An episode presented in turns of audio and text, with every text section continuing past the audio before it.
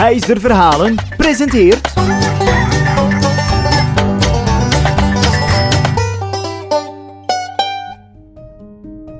Er was eens in een ver dorp een klein meisje. Haar naam was Karen. Ze was enorm lief, maar tegelijk ook heel erg arm en eenzaam. Het meisje had niet eens ouders.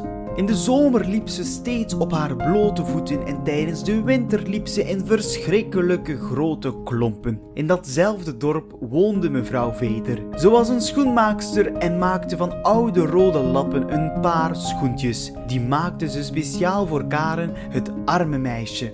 En vandaag mocht Karen de schoenen gaan ophalen.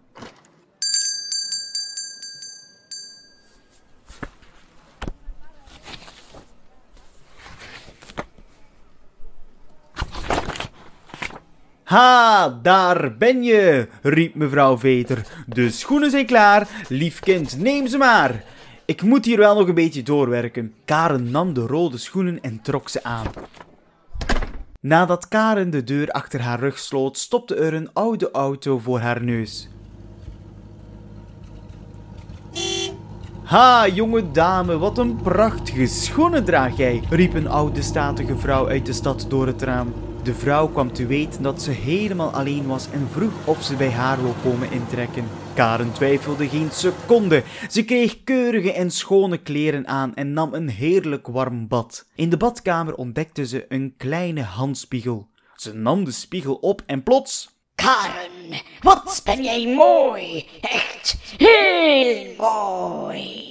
Karen schrok van de spiegel, stopte deze in de kast vol met handdoeken en rende de badkamer uit.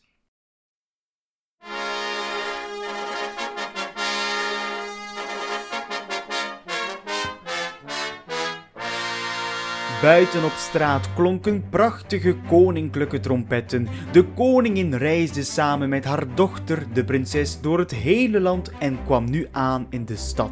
Iedereen kwam naar buiten. De prinses liep achter de koningin de straten op. Ze droeg prachtige rode leren schoenen. Ze waren heel wat netter dan de schoenen die mevrouw Veter had genaaid voor Karen. Karen vindt niks ter wereld zo mooi als rode schoenen.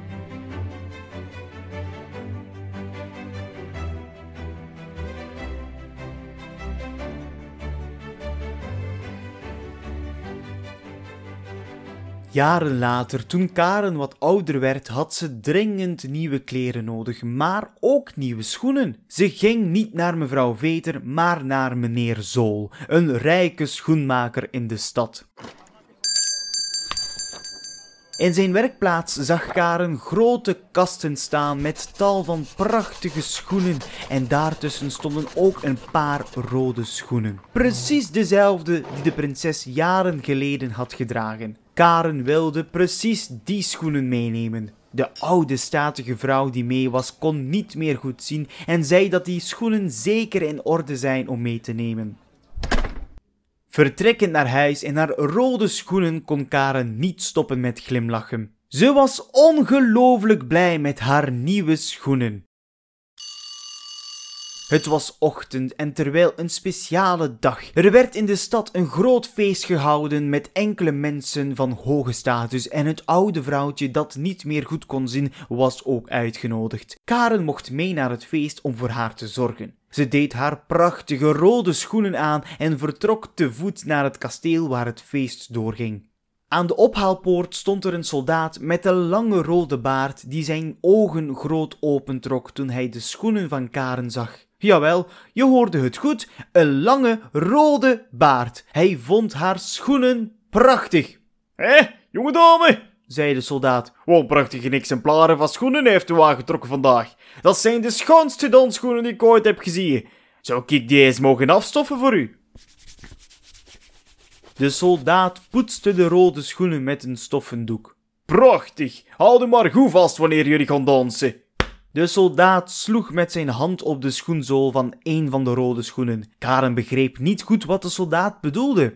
Goed vasthouden tijdens het dansen? Waar slaat dat nu op? Karen en het oude vrouwtje kwamen binnen in de feestzaal.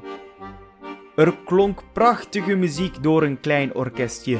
Karen twijfelde niet en wilde enkele seconden dansen. Bij het eerste danspasje trilden haar voeten hevig. Haar benen bleven doordansen zonder dat ze zelf iets moest doen.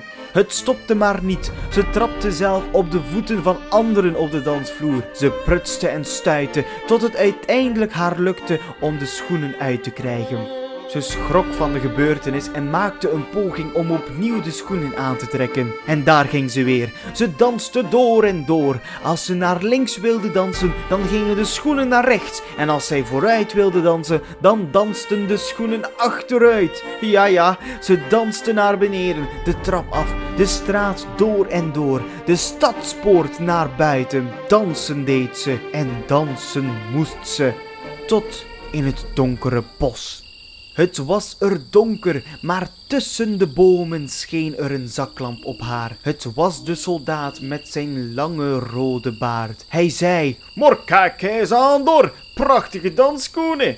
Karen probeerde om de dansschoenen uit te trekken, maar het lukte helemaal niet. Ze had de schoenen zo lang aan dat ze helemaal vast zaten. Ze probeerde en probeerde. Hilakes, dansen moet je doen. De schoenen dansten haar doorheen het bos tot voorbij een huisje dat ze precies ergens van herkende. Het was haar eigen huis waar ze woonde met de oude vrouw die niet meer goed kon zien. Hoe kan dat huis nu plots in dat bos terechtkomen? Ze tikte op het raam. Alleen deed de vrouw niet open, maar de soldaat met de lange rode baard, wat deed hij daar ineens? Karen smeekte hem om haar te helpen, en gelukkig deed hij dat. Zij zo. De rode schoenen dansten verder, alleen zonder Karen. De schoenen verdwenen het bos in. Karen liep zo snel ze kon op haar blote voeten naar de feestzaal waar het feest nog bezig was. Ze hoorde al van ver de muziek. Toen ze aankwam zag ze plots de rode schoenen op de dansvloer dansen. Die dansten en dansten en alle mensen op de dansvloer zijn van schrik weggerend. De muziek was nog steeds bezig, alleen was er niemand meer van het orkest. De soldaat met de lange rode baard kwam binnen. Alleen, niet zo treurig hè, ik heb een cadeau voor u. Het cadeau bevond zich op de plek waar ze zich bevond. Nog sterker, het cadeau was de plek waar ze zich bevond. Ze kreeg als geschenk van de soldaat het kasteel cadeau. Alleen kwam niemand nog naar het kasteel doordat de rode schoenen bleven doordansen. De bewoners van de stad dachten dat het kasteel behekst was, maar dat kon Karen niks schelen. Karen ontdekte in haar kasteel dat alle spiegels konden praten. Zo voelde ze zich nooit alleen en leefde ze haar hele leven lang in het kasteel. En het oude vrouwtje die bijna niks meer zag, wel, die trok uiteindelijk bij Karen in.